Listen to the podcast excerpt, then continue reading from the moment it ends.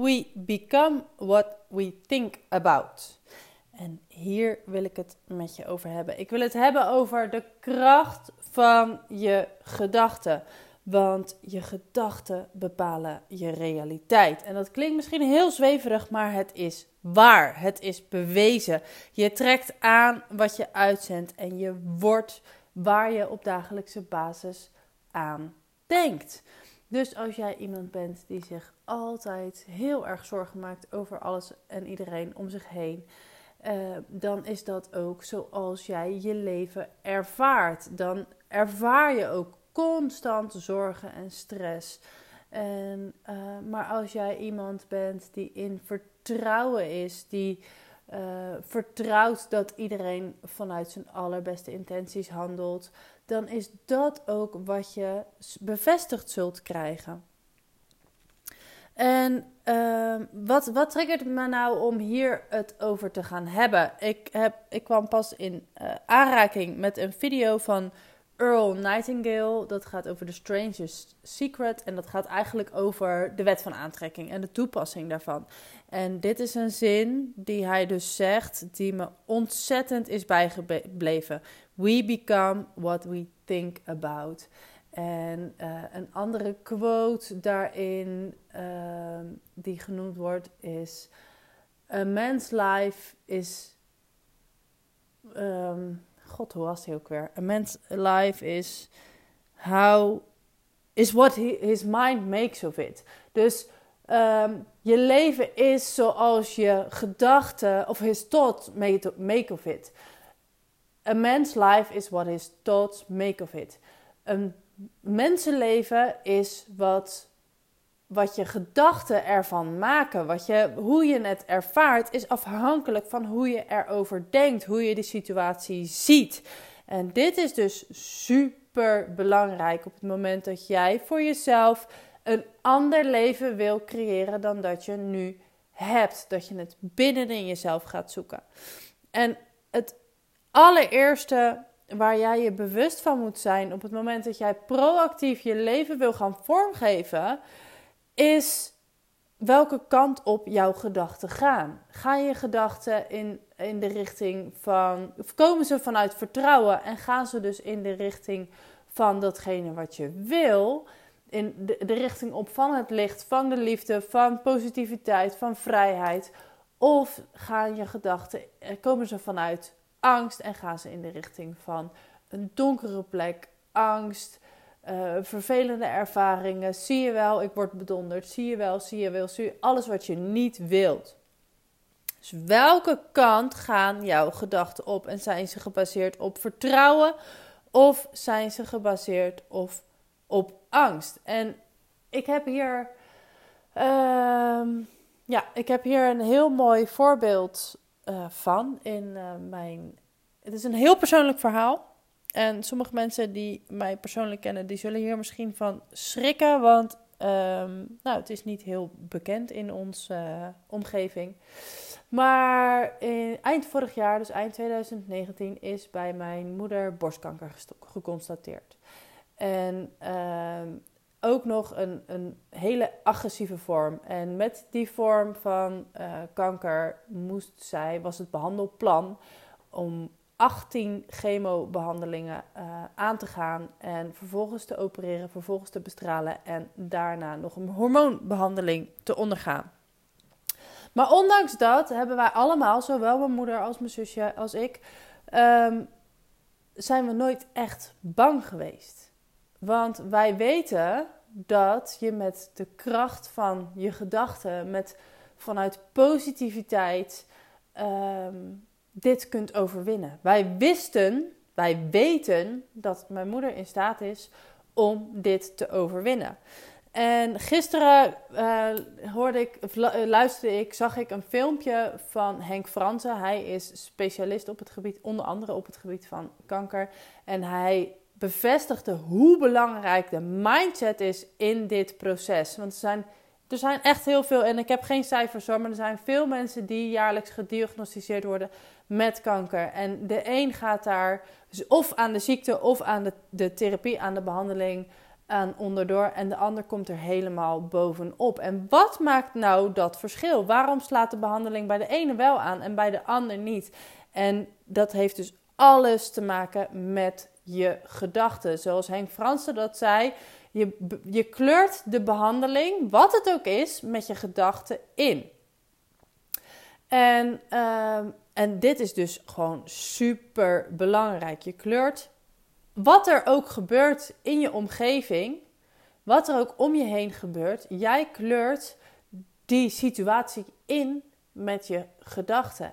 En jij bepaalt dus of je hem rainbows en unicorns inkleurt of dat je hem zwart, donker en uh, negatief inkleurt. Dit is dus wat Earl Nightingale bedoelt met we become what we think about. Als jij gelooft dat, en dan even terugkomen op het, op het kankervoorbeeld. Als jij gelooft dat jij niet bestand bent tegen deze ziekte, als jij gelooft het is zo'n zware vorm, ik ga dit nooit overleven, ik ga dit nooit winnen, dan zal dat je uitkomst zijn. Want je gaat je daarnaar gedragen. En maar op het moment dat jij voelt: oké, dit is een heel vervelend obstakel, dit gaat echt wel een nare periode worden, maar ik ga beter worden. Ik ga alles aangrijpen wat er op mijn pad komt, waarvan ik het gevoel heb dat het me beter gaat maken. En ik zorg dat ik beter word. Dat is dus ehm, wat mijn moeder heeft gedaan. En in de video van Henk Fransen vertelt hij ook over de uitzonderlijke patiënt. Ik weet niet meer precies of hij het zo noemt, maar de uitzonderlijke patiënt.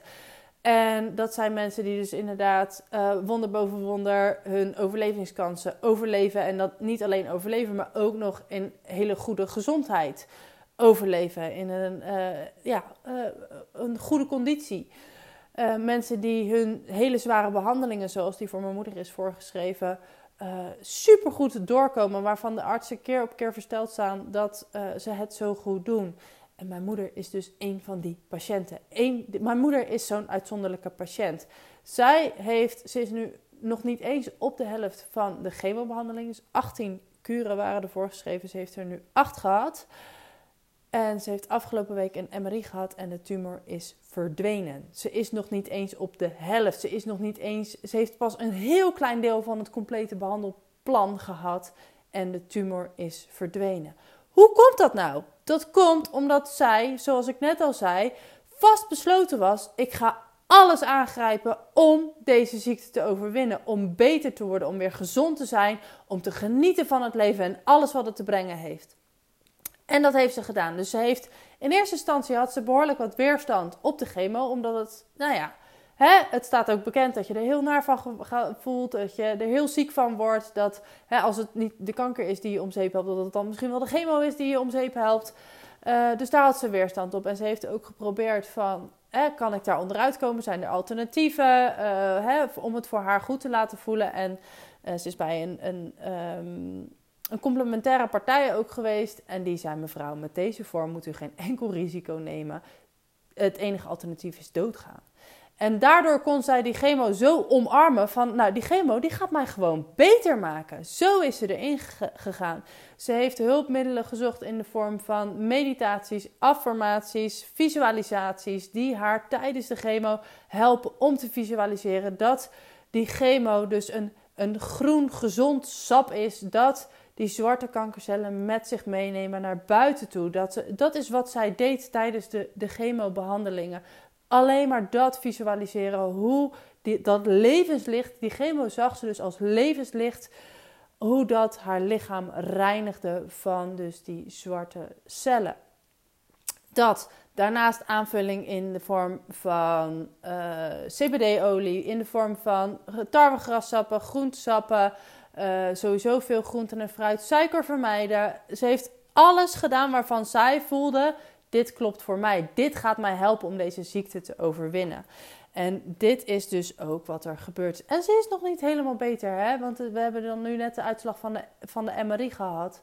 Maar dit is tegen de artsen die weten niet wat ze zien. Ze weten niet wat ze meemaken.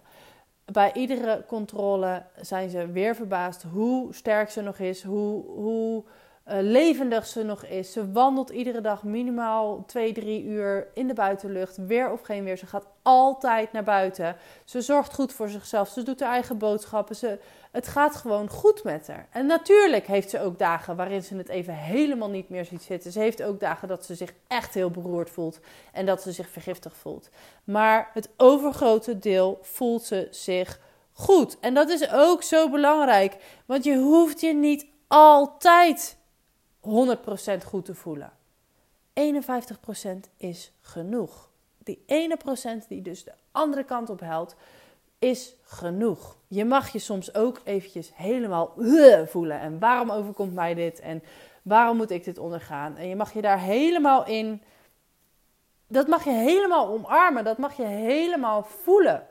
Maar blijf er niet in hangen, want daar heb je niets aan. En wat voor mij dan helpt, uh, en ik weet dat mijn moeder dat ook doet, is om een ultimatum te stellen. Dus oké, ik voel me nu even helemaal, helemaal kut. Excuse my language. Dat is zo. Ik voel me er gewoon echt. De hele wereld is tegen me. Niks lukt. Ik krijg niks van elkaar. En uh, gewoon uh. Helemaal uh. Laat het even zo zijn. En ik kan, me, ik kan dan ook echt helemaal zwelgen in zelfmedelijden. En gewoon ook alles laten voor wat het is. Maar ik stel een ultimatum. En voor mij is dat meestal: oké, nu voel ik me echt helemaal ruk. En alles is tegen me. En ik vind het gewoon allemaal super stom. Maar ik ga zo laat, dan en dan, ga ik, stap ik onder de douche. Dan spoel ik alles van me af. En dan is het klaar. Dan kap ik met die onzin. En dan ga ik weer voor wat ik wel wil. Dus ik dwing mezelf niet op het moment dat ik me echt heel rot voel om me beter te voelen. Want dat wekt alleen maar meer weerstand op. Dat helpt niet. Maar wat je dan, voor mij helpt het dus echt om een ultimatum te stellen. Van oké, maar dan, dan is het gewoon, dan doe ik iets en dat maakt niet uit. Of het, het kan wandelen in de natuur zijn, het kan paardrijden zijn. Al is het voor mij niet super handig om, als ik zo, me zo voel, op mijn paard te gaan zitten. Want dat krijg ik regelrecht teruggespiegeld. Um, wandelen zijn. Uh, douchen is voor mij, ik vind water altijd heel fijn. Is voor mij een plek van thuiskomen, van reiniging. Uh, het, al ga je, zeg je van nou, ik ga een, een, kwartier op de grond liggen, liggen janken als een klein kind. Als het jou helpt om het los te laten, doe het.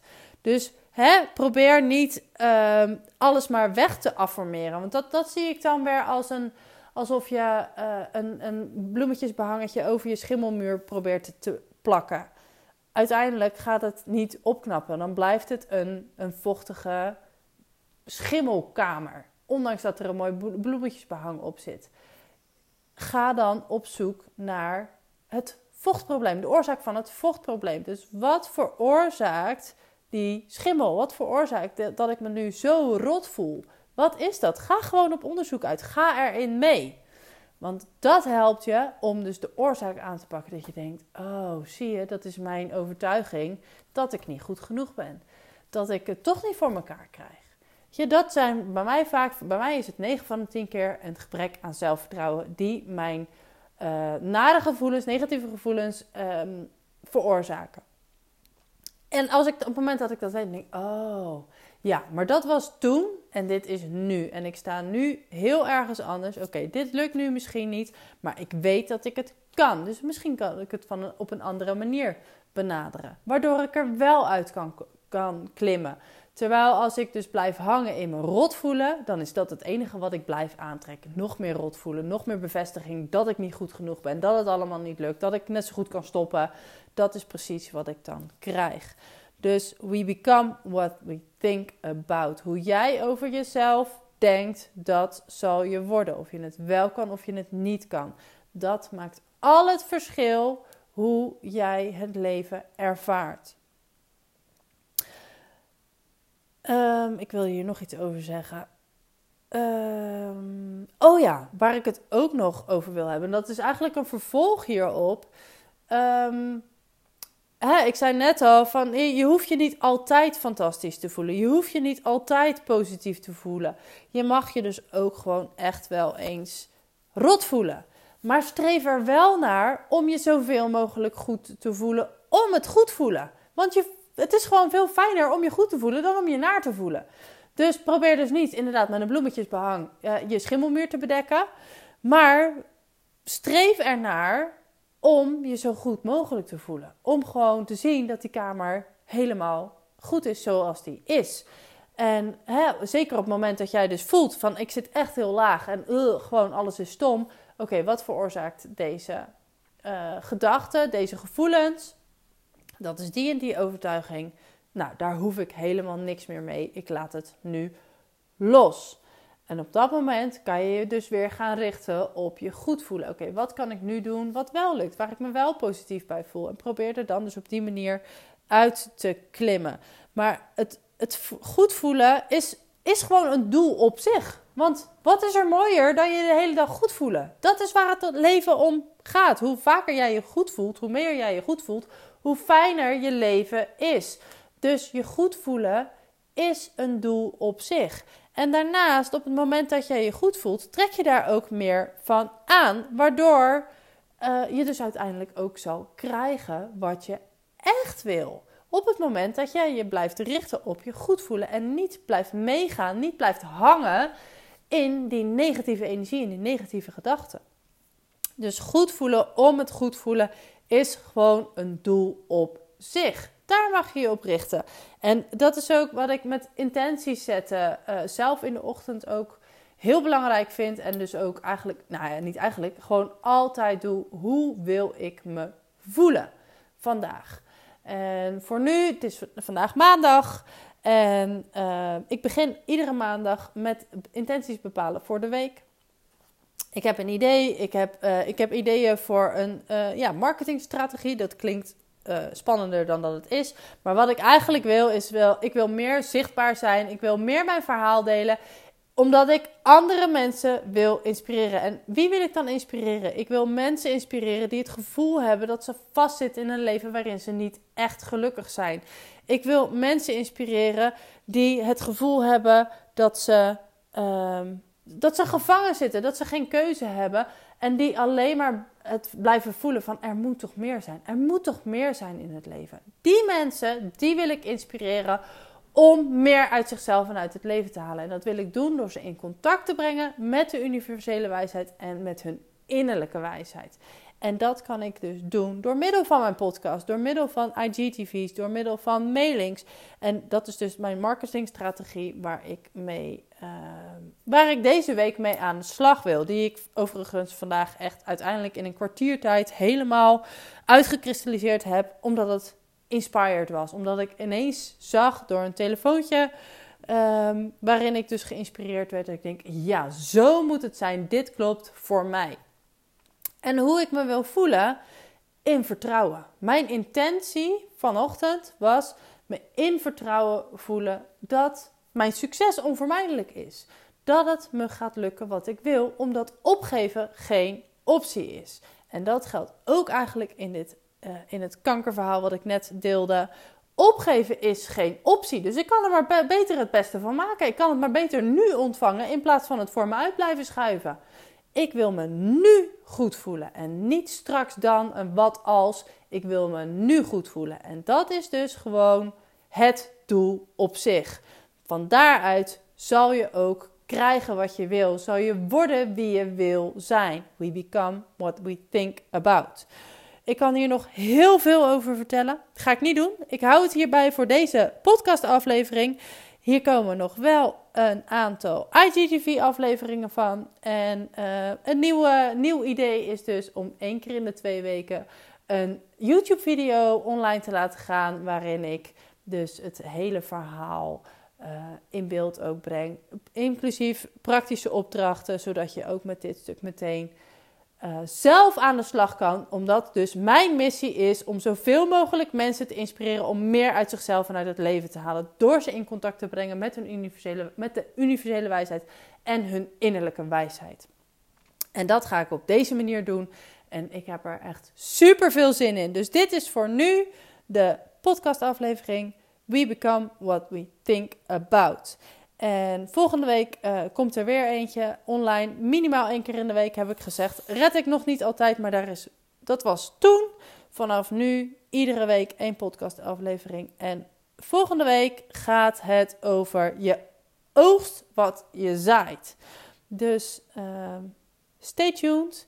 Als je nou op de hoogte gehouden wil worden van de podcastafleveringen die online komen en alle andere toffe content die ik dus gratis deel via mijn social media kanalen, schrijf je dan in voor de mailing. Ik zal de link in de, show notes zetten, zodat je heel makkelijk kunt aanmelden voor de nieuwsbrief, want dan blijf je gewoon op de hoogte van alles wat ik doe. Dus voor nu wens ik je een hele mooie dag, hele mooie avond, heel fijn weekend wanneer je dit ook luistert. En ik spreek je volgende week weer. Dankjewel.